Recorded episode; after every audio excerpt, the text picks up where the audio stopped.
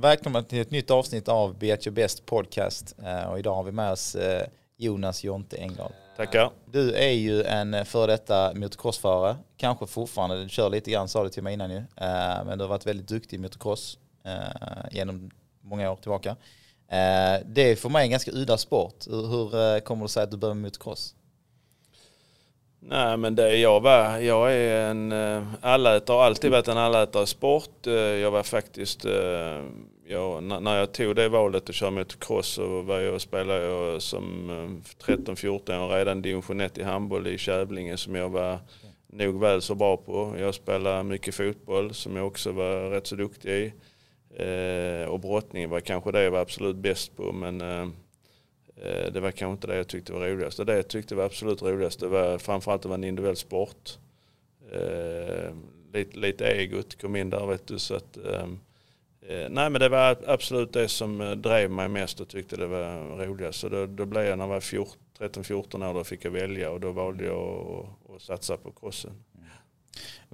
Varför fick du välja? Var det för att motocrossen tyckte du skulle välja eller var det de andra sporterna som ställde kraven? Nej, men det nej, det var jag själv. Det var faktiskt jag själv. Och den, den kombon är fantastiskt bra. Och jag brukar alltid säga det till alla ungdomar och allting sånt jag jobbar med idag. Att eh, försök att hålla på med så mycket som möjligt när det gäller sport. För det är bättre träning än så kan du inte få. Du blir så jävla allsidig i kroppen. Eh, när man specialiserar sig alldeles för tidig ålder så blir det ett sjukt slitage på en också som kommer sen när man blir äldre. Det, det har jag fått känna av. Eh, och, eh, men framförallt eh, är det, är det en, bra, eh, en bra grej liksom att köra det på en, en kompis social nivå och, och kunna bygga upp kroppen och ha fantastiskt roligt med olika sporter. Så att jag, jag tycker inte man ska specialisera det alldeles för tidigt utan eh, det, det, det är en bra kombo. Eh, ja, det gjorde att jag tyckte det var roligast med crossen där och vi fortsatte. Det är roligt att säger det faktiskt för jag tror att mer eller mindre nästan alla vi har haft eh, här i podden har sagt exakt samma sak. Ja. Eh, mental coach, eh, Anders Lindsjö som var här eh, för några veckor sedan hos oss som är gammal tyngdlyftare och idag tränar väldigt många landslags eh, eh, tyngdlyftare och så vidare. Han, han sa ju samma sak. Så att håll på med så, så mycket du kan, Mm. så länge du kan. Tills du egentligen måste välja och fokusera för att kanske specificera din träning lite mer kanske. eh, För att bli Ja, tiden finns ju inte heller liksom Nej. att hålla på och då blir man framförallt i en lagsport och när man inte kan vara med på alla träningar så Nej, blir man exakt. obekväm där och så här. Så att det, det blir en rätt så naturlig gång jag tror jag när man kommer upp i den. Allting trappas upp lite så, så det tror jag det, det rör sig nog i de åldrarna de flesta sporterna tror jag. Du, eh, vad är det du dricker? Det var, det var riktigt gott. Ja, jag har berättat för dig vad det var. vad var det för något? Ja men det var ju massa, det var ju bra nu när jag skulle spela padel ju. så- Ja, exakt. Ja, det lite riktig- kolhydrater, lite elektrolyter. Ja. Och den har du tryckt ut från eh, vår maskin. Absolut, det var Eh, superbra. vår brandade maskin med våra kosttillskott. Som, Den skulle eh, jag, eh, den, nej men jag är ju liksom, det som jag, nej men detta, detta är lite annorlunda så här. Mm. Och framförallt är det ju både, Gott både fantastiskt gott och så är det ju nice att det är bra grejer i den. ju. Absolut. Du får ta in en sån eh, maskin till ditt jobb så Ja, dina ja, anställda det- kan eh, trycka ut en sån varje dag så jobbar de bättre. Ja, Eller det om var PVO kanske på morgonen så de kommer igång ordentligt. Nej, jag blev, nej men det, det var jätte, det var nice. Eh, Men i alla fall, du valde ju motocrossen. Eh, Beskriv lite grann, vad, vad, vad betyder motocrossen för dig? Ja, men motocrossen har um, inte betytt allt men har betytt väldigt, väldigt mycket för mig. Och det, har, Eh, det är en passion som alltid kommer finnas i, inom mig och, och jag är väldigt aktiv fortfarande och eh, lägger galet mycket timmar på just och eh, följa motocrossen och, eh, och det gäller det. det gäller, ska man vara med i motocrossen så gäller det Fast jag är 54 år och det var länge sedan jag slutade nu så gäller det att vara operativ i det hela tiden. För det är en så fruktansvärd utveckling eh, precis som i alla andra sporter. Eh, och jag tror inte det är, jag kan vi säga till 100% det finns ingen annan som varit så operativ i sporten så länge som jag har varit i Sverige. Det är det inte. Jag menar jag började köra när jag var 4-5 år. Så jag har varit operativ i sporten i 50 år nu.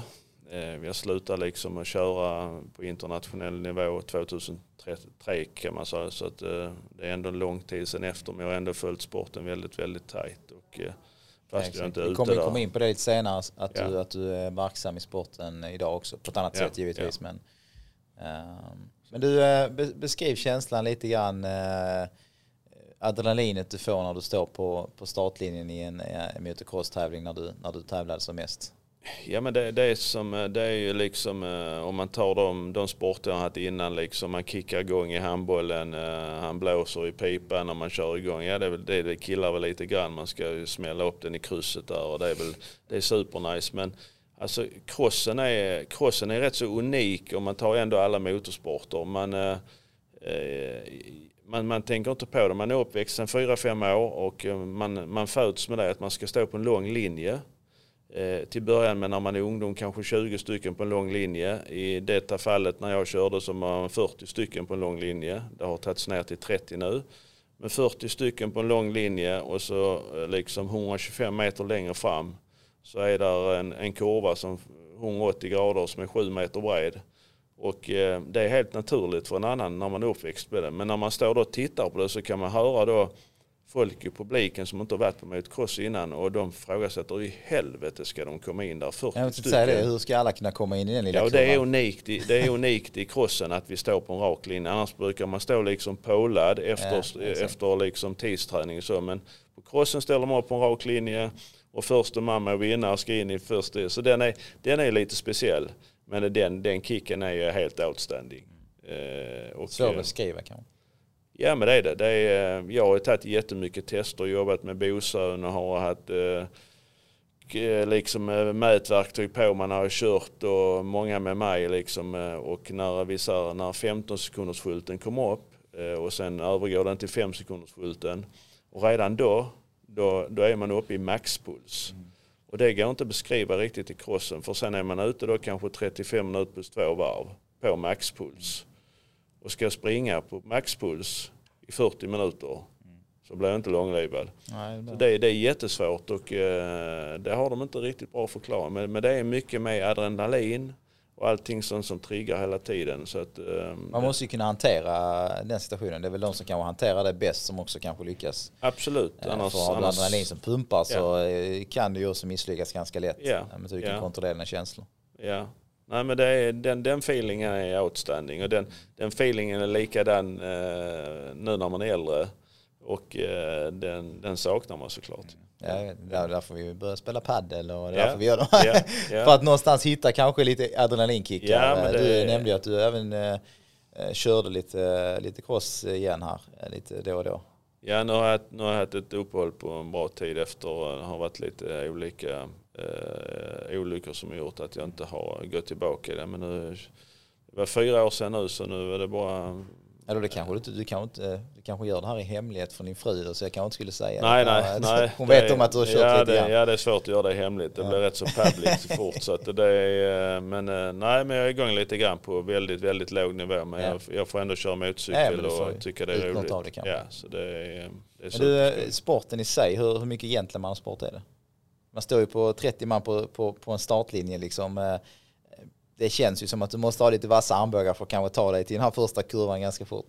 Ja men det, nej, men det, är, alltså, det, ja, det, är, det är en tuff sport. Det, det, är, det, är en, det är en tuff sport, inte bara för just det men det är eh, Nej men det gäller, det gäller att ta sig fram. Eh, det är ju inte alltid den som är kaxig som man tror är kanske tuffast när det gäller, gäller detta momentet. Det är kanske den som är mest tystlåten som är som är bäst när det gäller.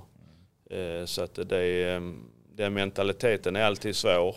Men det som jag, eh, det det som jag brukar säga när eh, om man står och tittar på en, en tävling i Sverige så här nu så kan man ju ta bort 99 procent vissa liksom för de är ju så nervösa så att de misslyckas ju fullständigt med det de ska göra när det väl är igång. Så det, det, gäller, det, gäller, det, är, det är en jävla mental grej. Motocross är fruktansvärt mycket mentalt. Är det. Eh, nej men mentalt, du sa att man måste vara stark mentalt. Men hur mycket mental träning eh, hade, hade du när du var som mest aktiv? Eh, mycket, mycket. Jag, jag, jag har provat allting. Jag har varit i den, eh, i den generationen jag var. Det är, inte, det är inte den generationen vi är nu när det finns eh, sjukt bra redskap till allting. Det finns så mycket digitalt som inte fanns med. Jag har gjort hela vägen fysiskt och varit med liksom från man skulle springa tre mil om dagen, sju dagar i veckan till att man skulle dra ner det. Det var för stort slitage och man skulle kanske vara lite snabbare i kroppen och få ner träningstiden och vara lite, köra mer lite på, på hög puls. Och, så det har, gått i, det har gått lite i variabler vad man ska göra men i sista, sista liksom grejen är ändå att du måste känna vad du får ut av dig själv. Och det har jag jobbat jättemycket med själv och har, det har tagit, tagit alldeles för många år för att komma fram till det. Likadant när det gäller med kost, likadant när det gäller mentala. Jag har testat, jag ska gå ner i den här jävla källaren och gå ner där med unestål allihopa och ligga där och så. Det var inte min grej liksom. Nej. Jag är alldeles för rastlös för det. Jag har hittat min mentala grej som, eh, som jag jobbar jättemycket med. Som jag tyckte var bra och jag fann resultat i det och kände mig trygg eh, när jag stod på startlinjen. Så det är, jag har provat Idag är det fantastiskt mycket, mycket, mycket bättre och lättare. Man kan säga så här är det och så här är det. Och vi är inne på kanske på det sen vad ni, vad ni håller på att komma fram till. Men mm. hjälpmedel är så mycket, mycket bättre idag för att ta bort eh, så mycket misstag som jag har gjort. Ja, men precis. Ja, jag har gjort sjukt mycket misstag. Men jag har lärt mig jättemycket också. Ja, det är såklart man lär sig med misstagen men samtidigt så som du säger idag med, med dagens teknologi och, och, med alla tränare som har så mycket kunskap så kan man ju minimera någonstans eh, eh, felaktigheterna innan mm. eh, som borde hjälpa till. Ju. Men sen är det ju lite så här med den mentala biten är ju, den är ju väldigt svår att träna sig till. Ibland är det nästan som att ibland har du det, ibland har du inte det. Eh, och det ser vi i många andra sporter också, folk som är jätte, jätteduktiga talanger men de lyckas aldrig riktigt nå toppen på grund av deras mindset. Mm. De kan inte hantera känslorna. Eh, och adrenalinet som pumpar och så vidare. Du måste hitta ett lugn i det och ändå kunna prestera på topp. Ja men det är det och det, det, jag, har, det jag skaffar mig där, där har jag haft eh, galet mycket nytta. Jag brukar alltid jämföra det jag har lärt mig inom min sport har jag tagit med mig i mitt entreprenörskap. Jag driver mm. företaget precis likadant som jag, när jag drev, eh, drev min, liksom min sportverksamhet och mitt tänkande. Och jag, jag, jag driver det precis likadant där. Eh, vi står inte på en linje när vi startar men vi, vi gör det oftast var morgon och eh, mm. kickar igång allting på samma vis. Och, och försöker... Inga kurvor in i butiken? Ja, ja men, lite, nej, men lite så är det. det men det, det, är samma, det är samma mindset att, att driva företag och uh, göra det bra en sport. Det är det. det är, um, i, fast, fast ja, i stora drag är det tycker jag. Jag försöker förknippa det mycket med det. Jo men du måste ju ha ett driv ja. som du ja. hade när du, när du tävlade. Mål, drivet har du antagligen också nu i ditt entreprenörskap. Ja, så att, um, det, är, det har jag haft jättemycket nytta av nu när jag, när jag drivit företag efteråt. Absolut. Men du, om man kollar tillbaka på din motocrosskarriär så, så tog du SM-guld 1995 och 2002. Om jag har helt fel för mig. Mm. Stämmer det? Mm. Eh, men du var väldigt duktig under, under den perioden där generellt. Eh, de många SM-medaljer. Varför blev det bara två SM-guld? Det, det, är ju, det är bra, absolut. Men, men jag kan tänka mig att du, du eh, kanske hade velat ha ett par till. Ja, det, allting är relativt bra. Det är inte speciellt bra med två SM-guld men det är, det är bättre än att inte ha någon alls. Men eh, eh, jag har väl tagit, man kan väl säga jag har väl tagit SM-medaljer från eh, ja, nästan i 15 år i sträck. Eh, tog jag inte det i, eh, i vanlig cross så tog jag det i 125 kubik, annars tog det i stadioncross. Jag har tagit eh, eh massa lag-SM-guld och så här. Men det är inte det, det som räknas, det är ju det liksom som det blir av. Det. Och jag, jag, jag har varit, ehm, jag har varit eh, för mycket skadad. Mm. Eh, jag har, satt, eh, jag har lett SM många, många, många år.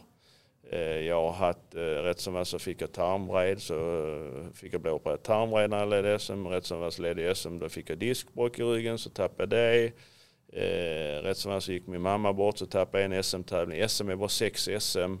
Man måste köra alla SM, och man måste vara helt klanderfri där. Så att, det är väl lite det som har speglat för att jag kanske inte, jag höll ju på med detta för att jag skulle bli bäst i världen. Och efter eh, Vad var du som bäst då? Jag var som bäst 97. Eh, då låg jag sjua totalt i VM. Eh, och hade en bra säsong på, på väg. Jag hade inte blivit världsmästare men det var, hade absolut blivit min bästa säsong. Men det var det året jag beslöt mig för att sluta och satsa på crossen till 100%. Jag fick ett hjärtproblem. Som de, ja, det blev helt, det blev helt galet så att jag fick eh, stoppförbud i Luxemburg. Det blev, eh, det blev högt och lågt allting och efter det så det var en grej jag inte kunde ta på. Bryta en arm eller så, det, ja, du visste det, det var okej okay liksom. Men när, när det, liksom, det blir sånt pådrag och ett svårt hjärtproblem och... Eh, det är inget man skojar om? Nej, och det blev, en, det blev efter det så, eh, ja, då backade jag bandet och sen efter det åkte jag mycket nationellt bara och körde lite VM. Så man kan säga 97 var, var piken på det jag skulle bli, efter det blev jag inte bättre liksom. Sen, du är ändå ett SM-guld 2002 ju sen. Ja men nationellt var jag bra eh, efteråt. Inte riktigt samma konkurrens kanske som... Eh, Nej, och jag vann, jag vann eh, jag tror jag vann ett VM-kval nere i Holland efter det också. Liksom. Så att jag, var, jag var snabb då också men jag åkte bara två, tre VM. Jag hade ingen internationell satsning på det sättet. Nej. Är det, är det anledningen 97 då att du inte tog SM-guld? Är det för att du, du ja, åkte på det här? Ja, då ledde jag SM. Mm. Ja. Så, så man eh, skulle kunna säga att du skulle i alla fall ha minst ett till där kan man ju säga. Ja, ja men det, i min värld finns inte det i min värld är det ju två SM-guld. Ja, ja, ja nej, absolut. Så är det Men, men det är grejer som inte du ja. kan påverka eh, som händer dig. Men, det är, men uh, du gick på mycket skador också uh, och, och, jag förstår att motocross är en ganska tuff tävling. Det går ganska fort och det, det kan gå ganska illa ibland. Uh, hur, hur, hur, många skador har du åkt på genom åren? Hur länge är man borta från en skada? Ja, men man, man tycker inte det blir så mycket så, men när man har hållit på och kör motorcykel som jag har gjort sedan jag var fem år till jag var så lång tid så blir det ju mycket liksom. Jag har när bröt du ditt första ben? Ja, höger tumme liksom har varit igång, jag tror de har varit av åtta gånger. Oh, stelopererad. Är den kvar? Va? Har du kvar den? Nej det är bara en, det är bara en liten stump. Åh oh, jävlar ja. Så den är... Eh, är det för att du har brutit så mycket? Så att ja, den har... ja. Jag vet jag kom, hem, jag kom in, det var ett SM-guld. Det var nog sista året när jag blev svensk mästare. Ja. ja. Då ledde jag Vimmerby och så slog jag runt efter ett par varv. Och eh, kände tummen gick av igen. Ja. Oh, går det ett jävla SM-guld till. Eh, upp på skiten i alla fall och eh, fick köra mål då. Detta hände på andra varvet. Och sen när jag kom in då till av handsken så tejpar jag alltid tummarna. Ja. Så hängde bara tummen i tejpen där så att, eh, då blev det lite chockartat. Och den, eh, det låter ju som eh, typ eh, Börje Salming i motocross liksom. Ja men man, ben, man vänjer sig vid också det. Men processen är ju var gång att komma tillbaka. Ja. Det gör lite ondare och ondare så då blir man rätt så mätt på det. Men eh, jag körde faktiskt eh, om det var veckan efter eller 14 dagar efter, så stiftade de den. Och så gjorde vi ett särskilt gips, så körde jag helgen efter och blev svensk ja, okay. mästare. Oh, fan. Så då, uh, Hur mycket använder man tummen? Mycket. Gör det? Ja det är allting med påfrestning när du bromsar. Ja, ja, allting. Det klart. Så att, fan, det är ju ja, ja. så har sig. Och... Ja. Så, det är klart att det, det, det Vilken är den viktigaste kroppsdelen på kroppen uh, för, i motocross? Styrkemässigt? Men man, man, kan, man kan nästan inte köra skadad i cross. Det, det, det går inte liksom. Men en grej som är en grej som är konstigt så ibland som man tänker. Ibland så sådana här grejer går alltid kanske då och, och får, får kanske söka ett, ett guld eller göra en bra placering. Går alltid och, och trigga sig om man, är, om man har bra skalle liksom. Men Nej, klart. typ ett sånt som reben, om man drar en 7-8 reben så är inte den lätt att köra för den, den, liksom, den är ju som, eh, det är ju som en kniv varenda gång man går i en håla eller så. Ja. Och just med andningen. Så det, då tänker man 7-8 reben, då måste man fan kunna köra. Men vissa sådana grejer jag äh, sätter helt stopp för dem. Men, äh. Nej det är klart, kanske lite annorlunda. Jag vet jag hade Andreas Lilja här i, i podden för några månader sedan och vi pratade lite om skador också inom hockey. När man spelar i NHL så kan man ju inte springa och inte lipa heller direkt. Nej det är tuffa killar. Uh, och då vet jag han liksom så här, spela med bruten fot och grejer. Man bara tajpade den liksom. I och med att den var så jävla hårt tajpad i, ja. i skridskon så gick det ju ändå liksom. För han kunde ju kasta rundor på den ändå liksom. Mm. Och så höll det lite så fick man tajpa om i pauserna. Ja. Jag menar innan hans tid så var det ju ännu värre liksom. Mm. Spelade ju fan folk hockey utan hjälm. Alltså, ja, ja, precis, ja. En liten skärskada eller någon, någon bruten tumme. Det, det... Ja, men hockey spelar ju tuffa ju. Det är, ja, det är, det är tuffa killar ju. Sen har de ju skydd. Har man inte, har man, just det har man kanske motocross också, men kanske inte lika mycket. Men uh, Nej, då blir man ju lite orörlig. Hur mycket skydd har man i motocross? När jag körde här med i stort sett ingenting. Då vill Nej. man åka med så lite som möjligt. Så. Ja men det jag menar, det ja. känns som att man är lite rörligare, lite mer men det, det. Det jättemycket på det nu på grund av eh, det har hänt mycket, framförallt mycket skallskador har det hänt. Så nu är det mycket system med MIPS och sånt som har kommit in. Eh, som också kommer i andra hjälmar och så. Men även eh, de håller på mycket med airbag i eh, skydden och sånt som ja. inte har kommit igen. För det är svårt liksom, vurpar du cross så är du inte över för det. För du kan liksom upp igen och så ha ett bra hit ju. Mm, och utlöser airbagen då, det är ingen som vill det. Liksom kör, Nej. det går inte liksom. Nej, för att, att, allting är väldigt minimalt. Man vill ha så lite, allting blir lättare och lättare, tunnare och tunnare skydd och skydd, eh, ja det är också minimalt. Alltså en crossutrustning idag handskar finns det inga skydd på. Det är bara jätte, jättetunt liksom och det är byxor jättetunt. Kanske mer för greppets skull än ja, för skyddet. Allting, liksom. allting är för att du ska kunna utöva och göra det bättre. Så att allting går åt det hållet också ju. Så det är lite på eget bevåg om man börjar med motocross. Man, man får inse att det finns en väldigt hög skaderisk. Ja, ja, ja, men det, ja det är absolut. När man det är kör, så, många kör så mycket som jag har gjort. Ja, så blir det ju, efter en tid blir det en del. Men, eh, det är, det är inget jag är bitter på. Nej, absolut inte. Du, du sitter här idag med, med flera SM-guld och eh, en meritlista som är lång men också byggt upp ett, ett, ett entreprenörskap i den sporten som du älskar. Bara det är ju, det är ju som ja, liksom skulle, leva sin dröm ju. Ja, ja, men jag skulle aldrig vilja backa. Så klart så om jag ville backat bandet så ville jag att det skulle varit än bättre. Det är alltid, ja, ja. Det är alltid lätt att vara efterklok. Men äh, det, det är gjort som är gjort och ähm, jag får väl ändå vara det kunde gått bättre. Men, jag, men du är ändå nöjd? Ja. Men, äh, men du är äh, världens bästa motocrossförare genom tiderna. Vem är det och varför var han så jävla bra? Ja, men än, än idag så är det ju Stefan Evert som är då tiofaldig världsmästare. Det är ingen som nu var ju Caioli och Nebba på det eh, innan han slutade. Han blev nio, niofaldig världsmästare och så fantastiskt duktig italienare. Men eh, Stefan är ju ett unikum. Eh, Var är han ifrån? Ja. Hans pappa var fyrfaldig världsmästare från Belgien. Ja. Eh, sonen blir tiofaldig världsmästare. Eh, nu, har han en, nu har Stefan en son som åker på internationell nivå, VM, eh, Liam. Eh, känns ju rätt så tuff press. Bra eh, familj. Ja, väldigt, väldigt bra familj. Och, eh, var, varför, han, varför han är så bra, ja det är ju liksom eh, Eh, han, han, hade, han hade allting som gjorde att, eh, att det blev så bra i slutet. Liksom. Han hade mentalt bra, det fysiska, talang, väldigt, väldigt talangfull för att köra motorcykel. Bra folk runt sig direkt när han var liten. Men där, där kommer, eh, tycker jag, en intressant fråga faktiskt. För man kollar, jag kollar ganska mycket Formel 1 och, och framförallt fick man upp ögonen när den här Drive to Survive kom på Netflix. Den är ju grym, den dokumentären. Mm. Vi är inne på sin fjärde säsong nu tror jag där är det ju, jag skulle inte säga helt orättvist, men det är ganska orättvist egentligen. Motorerna spelar ganska stor roll eh, i den sporten. Eh, vilken bil du kör, hur snabb bilen är eh, och så vidare. Eh, hur är det i motocrossen?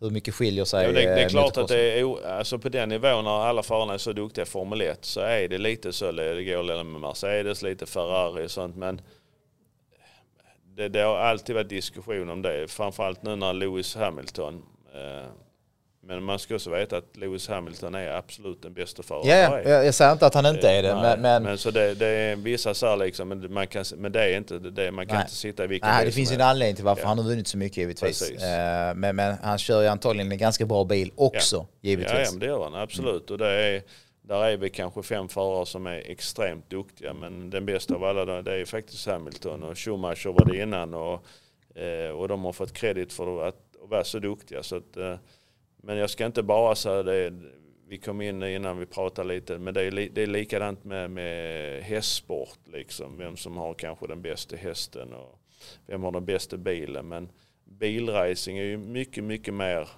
har alltid varit lite mycket mer specificerat liksom vilken bil man kör, vilket team man kör. När det gäller motorcykel, framförallt eh, där jag kommer från offroad, eh, är en av de få motorsporter där du kan eh, bli bra liksom på, egen ficka. Att du behöver inte ha någon förälder som är miljonär eller du behöver, utan det är, du, du kommer väldigt, väldigt långt med att göra det du ska och vara talangfull det skiljer sig kanske inte jättemycket från motorcykel till motorcykel. Nej, idag är det ju, jag kan väl säga idag kan man gå in och handla motorcykel hos oss och eh, eh bli svensk mästare hur enkelt som helst. Alltså den, den produkten finns idag liksom direkt från, eh, från butik. Så idag är det så bra grejer att köpa. Så det, är också, det är ju jättestor skillnad om, om man backar bandet kanske 30-40 år tillbaka. Men du, eh, du nämnde ju innan att du har haft många skador eh, såklart. Men din värsta skada eh, kom ju ändå inte från din eh, karriär. Eh, kan du berätta lite om vad som, vad som hände? Ja men det, det, är väl lite det är väl lite sån Schumacher-grej. Eh, man har kört eh, cross hela livet och kört som en galning på allting. Och Ja, och bröt i tummen åtta gånger och Ja, och massa annat skit. Liksom. och- Ibland så har man eh, legat ut skogen 20 meter från motorcykeln och allting har pekat åt fel håll och så har ändå har man liksom tagit sig upp och sen kommer man på en så kommer man på en jävla trampcykel i 10 kilometer. Och blir så jävla fel allting liksom så att eh, eh, nacken gick ju helt, helt av. Och det kände jag direkt efter eh, en speciell morgon. Jag hade en, eh, en, eh, vän som var med och faktiskt hade en, en kamera på så det var en liten sån här snackrunda. Jag brukar cykla en runda på morgonen. Och, ehm, men bryta nacken det gör inte mer ont än att bryta en tumme så det, är inte, det är inte det som är grejen. Feeling för att bryta nacken liksom, det är inte det som är problemet. nej. Problemet är när huvudet får reda på att du inte kan röra dig. Då har du ett jävla problem kan jag säga. Jag har aldrig varit rädd när jag skadat mig. Aldrig. Lite med hjärtat såklart. Det var ingen skada men när jag fick den. Men när jag, eh, när jag bröt nacken. eh, Då var jag fan inte tuff. Alltså. Det första jag gjorde det var så, att jag stänga av all kommunikation med allting. Det är ingen som får veta. Att jag, fick, jag, fick en sån, jag fick en sån jävla panik och sån ångest i kroppen. Vad jag hade gjort mot min familj. Och, detta kan ju inte vara sant. Liksom. Vad fan, här ligger jag och kan inte röra mig. Nej. Och den, den grejen, det var inte smärtan för att bryta nacken utan det var ju den mental smärta. Liksom. Vad, vad har jag ställt till med? Vad är det som händer? Och, eh, I min värld är det en, jag har väldigt mycket vänner som eh, har olyckats såklart med motorsporten. Men i min värld var det far away att det kunde hända mig. Så att, eh, Hur- det hur hände det då? minuter. Eller- Hur hände det sa du? Du, Ja, det satt var- på en mountainbike. Det var en mountainbike, det var en liten, eh, en, eh, typ en trädvälta som eh, var en, en halv meter hög. Och den, den brukar jag hoppa på. Och nu kör vi snacka och jag, denna morgon så skulle jag också hoppa på den. Och hade lite för lite fart så jag kom upp med cykeln så här. Och så hade jag ingen tramp liksom. Och cykeln då, i och med att jag inte hade en tramp så slog den ner lite ha- hastigare än vad jag trodde liksom. Så jag slog ju runt med sittande på cykeln och så landade jag mitt på konan här. Så hjälmen var ju som en uh, tidningspapper ju. Ja, Så väl var- hade en bra hjälm, hjälm. men En väldigt bra hjälm. kanske inte nacken. Nej, och då blev det en sån liksom, eh, i och med att jag inte fick någon huvudskador, så, så första som, eh, ja, så, Ja. Var det ju, så gick ju nacken av så här. Så det var ju det var ett tufft brott. Och, eh, eh, det var en tuff, eh, ett tufft ställe jag låg på. Jag, jag de fick inte ut mig därifrån. Eh, det var svårt, de skulle ta mig från motorvägen och sen kom de inte in på strövområdet där. Eh, så de, minuterna eller de timmarna det tog när jag var i ambulans och när jag inte kan röra dig. Det är panik. Eh, och ehm, han skulle meddela min familj där hemma då. Och när jag väl kom in på sjukhuset i Lund, jag var ju medveten hela tiden, så hade, mina, hade min fru och mina barn fått reda på det. Och ehm, det var ju sådär ju. Ja. Och, eh, då hade jag nog lite tur, jag vet inte, jag ska inte säga tur, men ehm, eh, det var det en läkare som visste vem jag var. Jag har varit där några gånger innan. Och han visste vem jag var. Jag kände inte han till namn så, men han eh, är en av absolut de bästa läkarna som är eh, i, i detta land när det gäller att operera. Han gick ur av sitt skift och eh, då fick han höra att eh, de har fått en olycka med mig då som har kommit in där med en svår nackskada. Eh, Så då, då tog han på sig rocken igen. Så detta, ska jag, detta caset tar jag. Eh, Och eh, det, nu efteråt kan man garva åt det. Och vet hur läkare är. Ofta ser läkare ut. Ibland ser de lika rufsiga ut som de skriver nästan. De är rufsiga och skriver Ja, ja, som fan. det är eller speciellt släkte. Ja, lite så. Då kom denna läkaren fram till mig och sa och berättade för mig att eh, detta var inte bra. Eh, nej, då kände jag att det inte var bra. Men det var, var, ett, det var ett svårt brott så de får antagligen både öppna upp här och sen öppna upp där bak för att kunna försöka lösa det. Men vi måste göra det akut. Mm. Ja, ja. Eh, Vad fan ska jag göra? Jag kunde, Nej, jag du, kunde inte röra du mig. får ju lita på läkaren. Eh, Ja absolut. Och då, då glömmer jag aldrig den här läkaren. Han var fan eh, helvete, han var snygg var han. Alltså en läkare brukar för fan inte vara så snygg men han var snygg.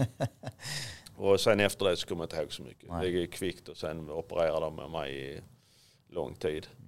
Eh, och eh, det var Christian, Christian Brand som gjorde. Och, eh, eh, när, jag vaknade, när jag vaknade upp på uppvaket eh, så kände jag att liksom som de tänker sätta liksom eh, fullt med ström i benen så liksom det pirrade något jävligt i benen liksom. Det var aktivitet i skitet igen. Mm. Och sen det bara liksom öka och inte att det gjorde mer ont men det, liksom, det var liv i skiten. Du fick tillbaka känslan? Började få tillbaka känslan när jag fötterna började kunna röra i, fötterna och, i, och sen kom det? detta ut i armarna. Och, äh, ja, sen. Beskriv känslan av att när du ja, gått från var, att du inte haft någon, någon, ja, det var, det, någon känsel till, eh, till att ha känsel. Ja det är helt galet. Det är, det är inte nice när man har haft ett så aktivt liv. Och, Nej känna den där. Så det, var, det, var, det, var, det är den största vinsten jag haft.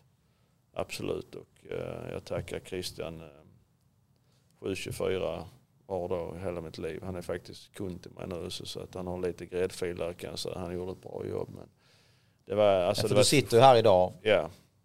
Du rör på din fot. Och du har rört på dina armar. Ja, jag, är, jag, är inte, jag är inte helt Är du återställd? Nej det är jag inte. Jag kommer aldrig bli helt hundra. Det är vissa men som vi inte behöver gå in här på men eh, min vänster sida är ju inte bra. Nej. Men, eh, är det någonting de har sagt till dig att så här kommer det vara liksom? Ja men nu när det gått så pass lång tid. Man har ungefär ett år, brukar, ett, ett och ett halvt år så brukar de säga att det kommer tillbaka. Och jag gick ju ändå ut från sjukhuset efter fyra dagar. Mm. Eh, man har gått snyggare än dem. Men eh, jag gick och sen... Du gick i alla fall? Sen tränar jag sjukt mycket. Jag asar ju med hela vänster sida efter liksom hela tiden. Så men det blir bättre och bättre. Idag tror jag inte man ser så jättemycket på mig. Men vänster sida är sådär, men funkar. Jag spelar ju padel.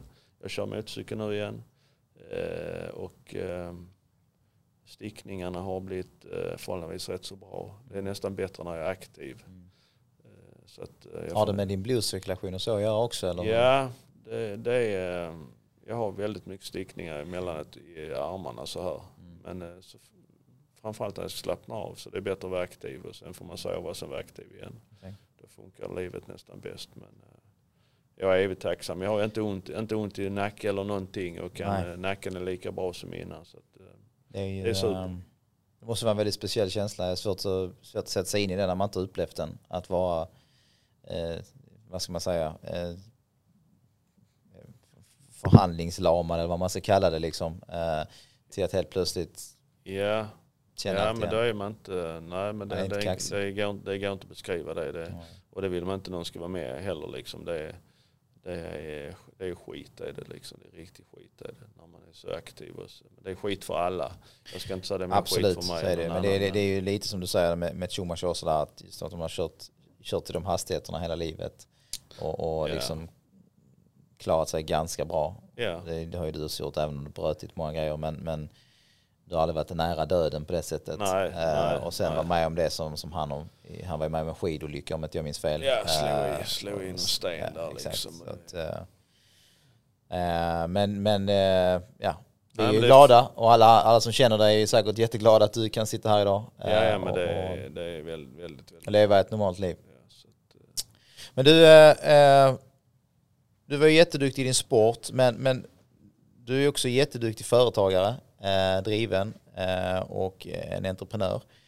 När insåg du att du var det och att du blev det? När hade du den känslan? När startade du ditt första företag? Och, och, alltså för jag menar, när man är inne i en sport så som du är så är det ju väldigt mycket i den sporten. Man är 24-7 i den sporten, man lever den, man äter den, man sover den. Eh, man kanske inte har så mycket tankar runt omkring på starta bolag och vad som händer efter karriären och så. Men, men du har ju ändå någonstans gjort en väldigt fin karriär efter din, din sport. Ja men det tog nog lite tid innan jag eh, tyckte eller fick liksom lite kredit på att eh, vad fan, jag gjorde nog lite rätt här med företaget också. För den, den, den resan med företaget den är ju precis som sport. Alltså för mig var det precis samma resa som sport. Jag gjorde lite fel, jag lärde mig av felen, jag får på en ny kula, men det, det, som är en bra gen hos mig det är att jag aldrig ger upp. Nej. Eh, jag ger fan inte upp liksom. Och likadant var det med företaget. Jag hade ju såklart eh, gjorde fel där som måste vara jättetuffa och reparera dem och kom tillbaka och eh, eh fick snöbollen till rulla igen och, och eh, växt, växte dit, eh, ja, dit vi är idag. Har ni alltid gjort det ni gör idag? Var det så du började? Du började med att sälja motocross och... Ja, man, man kan väl säga den dagen jag slutade då, 2003, eh, då, eh, då var det dags att börja jobba riktigt ju. Eller eh, släpp, släppa det och då tänkte jag jag är rätt så bra på motorcyklar och började motorcykla och då började jag med offroad. Mm. Och sen efter det gick vi in lite på street och sen har vi gått in på mer, mer landsvägsbetonade motorcyklar nu de senaste tre, fyra åren. För det är ju en, det är en lite större bredd på det också än vad det är på offroad. Liksom. Så nu, nu har vi allting inom samma hus och ehm, ehm, eh, eh, absolut en framtid som ser ljus ut med mycket nya projekt. Och så, så att, eh, det är roligt. Men det, det tog lite tid. In. Det tog lika lång tid ehm, inom, eh, inom företaget tror jag som det tog inom sporten innan man fick lite bekräftelse att man vi blev årets företagare. När blev ni det? För det eh, var det 2018? Ja det var några år sedan nu och sen ja. ja man bygger upp det. Man har olika mål där också liksom. Man får uh, rating trippel och lite sånt. Jag gillar liksom, jag, jag, är inte jättesugen på diplom och sånt men jag gillar liksom fan att man tar steg på steg. Jo men det, det ja. återigen tillbaka till sporten lite grann. Ja. Uh, Anders Lindsjö sa en jävligt bra sak när vi hade han här faktiskt. Att på vägen till, till, till, till framgången, man satsat på vägen under den här tioårsperioden när du tränar hårt som fan så måste du ha de här små vinsterna för att palla. Absolut. Absolut. För det, det är, om du har en, eh, som vi pratar väldigt mycket om OS och så vidare, att man lägger upp en längre plan för, för de som är tyngdlyftare. Så de, de har ju ett mål som kanske är fyra år bort, åtta år bort. Då måste du ha små vinster under tiden, annars orkar du inte. Nej. Och lite samma sak är det ju här. Eh, ja, i företagen, du får bekräftelsen av att folk gillar det du gör. Yeah. Det gör ju att du skapar mer driv. Absolut, Kund, kunderna är ju en tillfredsställelse att ja. de blir nöjda av det man gör och sen är det precis som du säger att det boostar med den tillväxten man kanske har eh, man satt som mål och det är ju, det är ju, det är ju de grejerna som är precis som med sporten liksom. Du, du tar ett steg till, du blir bättre och bättre och likadant har du tillväxt i företaget så och ser rätt med tillväxt med lönsamhet och det går dit där. Du kan anställa fler folk och skapar fler arbetstillfällen och du kanske kan bygga din egen fastighet. Och hela, det är ju de små, eh, små grejerna på vägen som du tog upp där. Absolut. Eh, men vad är nästa mål med företaget? För ni är en liten utvecklingskurva nu, eh, berättade du för oss. Ni gör en lite större satsning här nu. Nu har vi stora planer med företaget, ja. Absolut har vi, vi säljer ungefär tusen motorcyklar idag. Vi har ett jättestort digitalt projekt på gång som ska släppas vecka 34 som blir en jättestor förändring i företaget. Nog den, en av de största förändringarna i företaget sen jag öppnade, eller drog igång företaget 2003. Mm. Eh, så att eh, mitt mål inom fyra år är att sälja 3000 motorcyklar och då tänker alla att nu är jag riktigt jävla korkad. Men eh, eh, det, det, bör gå. Mm. Där finns underlag för det och eh, med, med, det som kommer hända i, eh, i Norden, Europa, allting så, så kommer marknaden bli så mycket, mycket större. Så att, och mindre aktörer. Det är vad jag tror på. Jag kan ha fel men det får vi se det om tre, fyra år. Men jag tror eh, att dit, dit världen går så kommer det bli större aktörer, större och starka aktörer eh, där kunderna också eh, kräver mycket, mycket mer av oss. Det ska vara nice, det ska vara snyggt, det ska vara det ska vara, ni ska kunna dricka Beat Your Best och ni ska, allting ska vara liksom super. Man ska köra hem cyklarna till kunder, man ska hämta cykeln, de ska kunna vinterförvara den, de ska kunna sitta där hemma och beställa motorcykeln. Eh, det, det är mycket sånt som, är lite högre ja, då, precis, på, på som jag tror kommer. kommer. Eh, och motorcyklar är ungefär som jag brukar säga, minst tio år efter bil ungefär. Och så man ser lite hur, hur det är på väg på bil. Så att man sneglar alltid, jag sneglar alltid lite dit. Kul, intressant resa, hoppas verkligen det går bra för er. Uh, man kan hitta er på je68.se. Stämmer. Stämmer. Så man vet vad man ska inte köpa jätte, ny motorcykel. Inte jätteroligt där, där nu men det kommer bli väldigt roligt sen när man går in där. Eh, framförallt när vi släpper vår nya plattform. Mm. Kul. Eh, men du, du spelar lite paddel också sa du ju. Eh, men framförallt eh, så är du lite involverad i paddeln. Eh, inte operativt kanske men dina döttrar driver en paddelanläggning. Ja men det är nästan det det är, det, det är så du får din paddeldos. Ja det är en stor trigger nu är det. Framförallt eh, mina barn är det bästa jag har såklart. Ja. Jag har två tjejer som är 25 och 23. Eh, och nu har jag kastat entreprenörskapet i dem. Mm. Eh, och de har byggt upp en, en paddelanläggning i Kävlinge. Så de har sex innebanor. Jag vill säga nog jätte, jätte, jättebra anläggning. Jag spelar, jag spelar alldeles för mycket där för det är inte många andra anläggningar som är så bra faktiskt. Det är Nej. bra takhöjd, det är bra ljus, det är bra, det är bra ljud så den är supernice. Är det nybygge eller är det befintlig? Helt nybygge. nybygge ja. Och så det håller de på med två utebanor nu. Så att, och, och ligger rätt schysst. Du kan ta tåg dit där, du kan cykla dit där. Och de, de bygger upp det eh, så, så, som jag byggde upp mitt företag så har jag velat att de ska bygga upp det. Hårt arbete. Eh, jag vill, eh, jag vill inte att de ska trycka en kod och det inte ska vara någon. De ska vara där så mycket som möjligt. Så de jobbar jättemycket nu och jobbar med, ska jobba med klubbverksamhet med ungdomar, tävlingar och tränare har vi ett par stycken redan. Och, så att, eh, jag, tror, det är en bra, jag, jag märker för var dag när de växer liksom. De startar föreningar, bolag och framförallt eh, kontakt med människan är superbra. Mm. För den är ju väldigt olika. Eh, där är folk som ringer liksom eh, halv två på, på natten och ifrågasätter om eh, träningen dagen efter. Så att eh, folk blir väldigt eh, och det är bra att kunna bemöta olika folk. Det är, det är en bra erfarenhet att ha Absolut. Livet. Vad var, det, vad var det starkaste tipset du gav eh, tjejerna när de skulle starta? Ja men jag har gett dem precis allt det och det jag var lite inne på det. Men det, det, det, finns bara en väg till bra, oavsett om du ska bli bra i en sport eller bra arbete. Det är ett hårt arbete. Det är ingen, det är ingen, det är ingen tillfällighet. Ja det är en tillfällighet om du gör någon, något aktieklipp eller du får ärva massa pengar. Det är ju en tillfällighet. Men det är väldigt, väldigt, väldigt lite. Många, många som Nej, tror att det är det som är livet. Är. Nej. Det är hårt arbete och, eh, och planera och göra, och göra och sen såklart så blir det fel på vägen.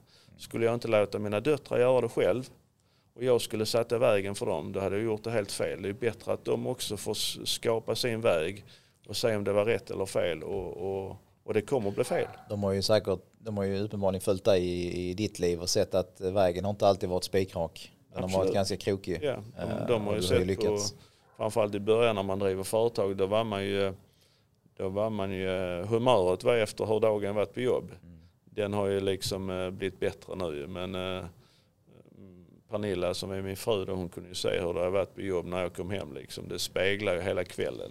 Så hon satt ju bara och höll tummarna. Hoppas det har varit bra business idag. Nej, men lite, lite, ja, men lite så är det. Nu, det växer man in i. Liksom, ja, så här. Och, men tjejerna är likadana. Ja. Eh, liksom, eh, pappa det börjar, börjar gå ner lite nu med bokningar och sånt. Vad är, vad är det som händer? Mm. Ja men eh, liksom, så är det ju i början. Det är bra engagemanget i ja, ja det är det. Så att, eh, och de, de ser då när man, man, man triggar liksom och gör och jobbar hårt med det så kommer det ju. Eh, och det, de gör det jättebra. Mm. Kul, får jag åka och besöka den hallen någon gång? Faktiskt aldrig varit där. Ni är supervälkomna, bara att jag har hittat till. Vi får vi spela en match kanske? Ja. Vi kan spela med Kim. Lär det inte bli mycket match för dig förstår jag. Men jag får stå och försöka få över det. Ja, fast den första du spelade med var ju Simon Vasquez. Så det, så man, ja, jag måste lärt dig några tips. Ja, det är en nice kille. Det var faktiskt den första jag spelade padel med. Ja. Så att, uh, han är, jag följer Simon uh, såklart hela tiden på Instagram och på Facebook och allt vad han gör. Så att, uh, han är bra för padelsporten. Ja det är han verkligen. Han är en bra uh, figur utåt. Absolut. Ja, vi har några riktigt duktiga spelare som börjar etablera ja. sig.